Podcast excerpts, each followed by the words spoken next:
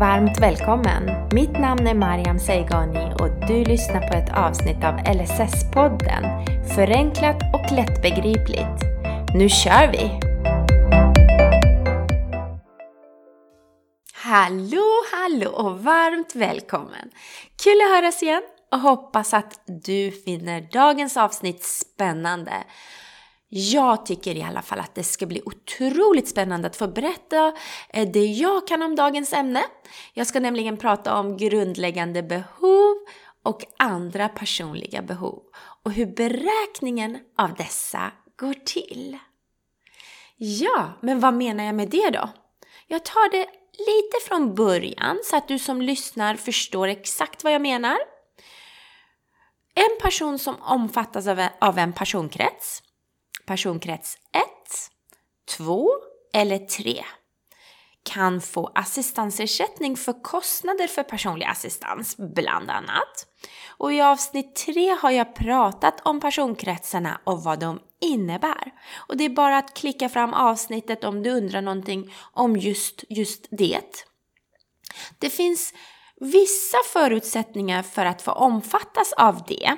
Och, och dessa förutsättningar är bland annat din boendeform, hur gammal du är, hur mycket du har behov, och av, eh, behov av hjälp och vilket hjälpbehov du har.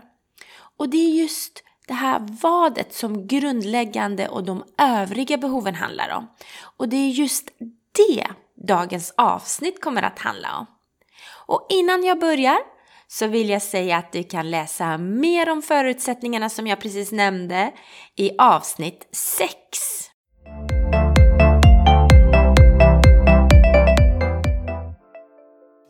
Ja, jag tar och börjar med det som kallas för grundläggande behoven. Jag nämner vilka de grundläggande behoven är och sen ska jag försöka förklara lite närmare.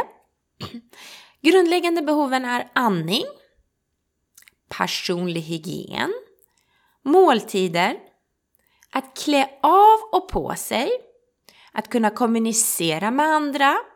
Och annan hjälp som förutsätter ingående kunskap om den som söker hjälp. Och med det menar jag till exempel om man har hörselskada eller inte hör så behöver personen som hjälper dig kunna teckenspråk till exempel för att kunna kommunicera och hjälpa till och förstå vad du säger och så vidare. Så det är det som menas med, med annan hjälp som förutsätter ingående kunskap om den som söker. Och den första juli i år, 2020, eh, förra året då, så ändrades lagen eh, lite grann och ändringarna innebär att alla delar av hjälpen med andning och sondmatning kan ge rätt till assistans. Och för att hjälp med andningen ska räknas som grundläggande behov så ska det finnas risk för en persons hälsa eller liv om han eller hon inte får hjälpen. Eh, det kan vara allt från att man behöver hjälp med andningsgymnastik eller slemsugning eller att man behöver över, övervakas på grund av att det finns till exempel risk för kvävning. Ett annat krav eller en annan förutsättning för att hjälpen med andning eller sondmatning ska räknas inom de grundläggande behoven är att det utförs som egenvård, det vill säga att det är ingen hälso och sjukvårdsperson som hjälper dig med det. För det har jag nämnt tidigare, då har man inte rätt till assistans då, då är det landstinget eller regionen som utför den hjälpen då. Och jag har pratat om egenvård tidigare, men jag tänkte jag tar det lite snabbt så att, så att det blir tydligt vad det innebär. Hjälp med andning och sondmatning behöver vanligtvis egentligen utföras av medicinsk utbildad personal. Men i vissa fall kan en legitimerad hälso och sjukvårdspersonal bedöma att vissa hjälpmoment kan utföras som egenvård. Och det innebär att de bedömer och skriver intyg på att det kan utföras av till exempel en personlig assistent i ditt hem. Och då räknas det som egenvård. Och nu när vi ändå är inne på den här nya lagändringen som kom 1 juli 2020 så vill jag bara flika in någonting om föräldraansvar också. Och det är att lagändringen innebär också att hjälp som ingår i normalt föräldraansvar kan ge rätt till assistans för just andning och sondmatning. Så det är en liten ändring som har just med den lagändringen att göra, som jag tänkte bara nämna lite snabbt. Men oroa dig inte, jag ska förklara lite mer så det blir tydligare.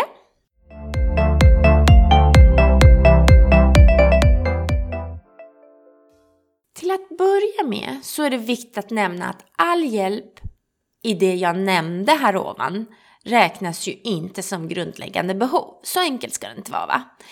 För att det ska räknas som grundläggande behov så måste det vara av integritetsnära karaktär. Och med integritetsnära karaktär menar jag att det ska vara av privat karaktär, krävande att utföra eller på annat sätt vara av komplicerad natur och av mycket personligt slag. Jag tar ett exempel. Eh, om vi till exempel tar av och påklädning till exempel. Vi låtsas att jag ska gå ut på en dejt med en ganska ny, som jag har lärt känna nyligen kille. Eh, jag skulle inte ha någon, några som helst problem med att låta honom eh, hjälpa mig på eller av med jackan. Eh, hjälpen med en jacka känns inte så integritetsnära och egentligen är vem som helst som har lust välkommen att hjälpa mig med det. I, i alla fall i min värld. Men jag byter med klädsplagg nu och istället så tänker jag mig att det är någon okänd person som ska hjälpa mig med mina underkläder. Ja, där skulle det vara mycket känsligare för mig. Inte vem som helst får hjälpa mig med att ta på mig eller av mig mina underkläder. Där vill jag ha hjälp av någon som jag känner, som jag litar på och som vet hur jag vill ha det. Det är skillnaden mellan grundläggande och övriga behov där jackan räknas som övriga behov i frågan om påavklädning och underkläden som är nära kroppen av privat karaktär räknas som grundläggande behov.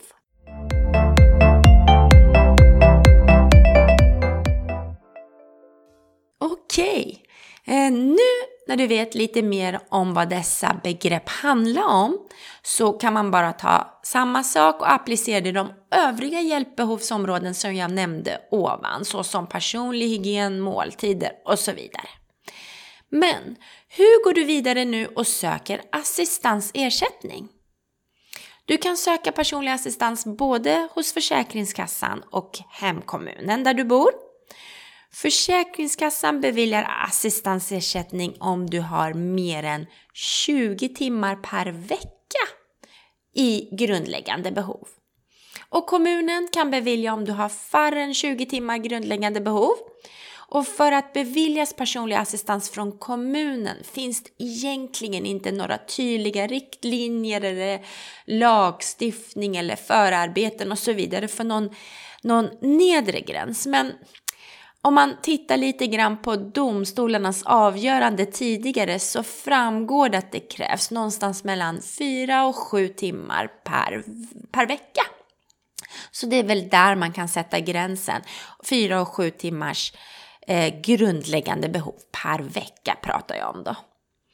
Och tänk på att du har rätt att ha ett ombud, alltså en person som hjälper dig att bevaka dina rättigheter och så vidare när du ansöker om assistans. Och du kan ta med dig vem du vill och vem du känner dig bekväm med. Det kan vara en vän eller en jurist eller någon som jobbar på ett assistansbolag som har kännedom om det här och så vidare. Det är helt och hållet upp till dig om du vill ha med dig ett ombud eller vem ombudet ska vara. Men då tänkte jag nu att gå igenom steg för steg för hur du ska tänka och göra för att söka assistans, ersättning från kommun eller försäkringskassa. Nummer ett, först och främst så ska du ha ett uppdaterat intyg där, som inte är för gammal. Det är väldigt viktigt. Och om du ansöker till Försäkringskassan så har de särskilda intygsblanketter och till kommunen kan du skicka det du får från till exempel läkaren och så vidare. Och intyget beskriver funktionsnedsättningar och annat du behöver hjälp med i vardagen. Och ett litet tips från mig är att du talar om för läkaren eller arbetsterapeuten eller fysioterapeuten eller vem det är du skaffar intyg ifrån att du söker assistansersättning. De flesta inom yrket vet då vad som behöver vara med, finnas med i intyget och det hjälper ju handläggarna då på Försäkringskassan eller kommunen om det är ett fullständigt intyg. Ja, och sen ska då intyget tillsammans med en ansökan om assistansersättning skickas till Försäkringskassan eller kommunen. Och ansökan till Försäkringskassan hittar du på deras hemsida, på Försäkringskassans hemsida. Och det kan du göra både med eller utan BankID. Och när det gäller ansökan till kommunen så ser det lite olika ut beroende på vilken kommun du bor i. Så det kan jag tyvärr inte hjälpa till med. Eh, väldigt olika hur kommunerna är uppbyggda och vad funktionsnedsättning och sånt hamnar under. Men går du in på din kommuns hemsida och söker dig fram där så är jag säker på att du hittar någonting. Och hittar du ingenting så prova och ring kommunens växel och be om hjälp och, och kolla var du kan ansöka om det finns någon som kan hjälpa dig där.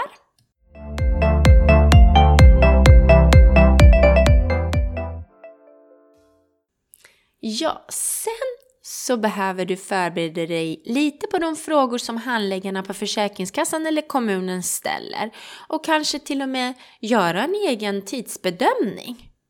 Vad menar jag med tidsbedömning? Jo, Handläggaren kommer att gå igenom de olika momenten som du utför i vardagen och behöver hjälp med. Du behöver beskriva vad det är och hur lång tid varje moment tar. Och jag tar ett exempel. Om du behöver hjälp med måltider och, och, och äta mat, säger vi. Först ska du beskriva varför du behöver hjälp med måltider. Är det för att du har svårt att skära maten eller behöver du till exempel tillsyn vid måltider för att det finns risk att du sätter i halsen? Sen behöver du skriva, beskriva vad och hur du behöver hjälp. Till exempel att jag behöver hjälp med att dela maten eller föra maten till munnen från tallriken. Och sen behöver du tala om hur många gånger per dag du äter och hur lång tid varje moment tar. Eh, är det frukost, lunch, middag plus två mellanmål. Vad tar det tid? Hur lång tid tar det? Och det kan ta lite olika tid beroende på om det är en större måltid eller mindre som är mellanmål. Men det behöver du ta reda på vad det gör. Och detta kan ju vara svårt att ange korrekt när du väl sitter där med handläggaren och får frågan. Och därför tycker jag i alla fall tips, det är utmärkt att förbereda sig innan och ta reda på vad är det jag behöver hjälp med och hur lång tid tar det egentligen? Det är väl mycket svårare än, än vad man tror att gissa sig till. Ja, och efter mötet så tar handläggaren med sig underlaget från samtalet med dig samt intygen som, som du har bifogat eller skickat in och utreder ärendet.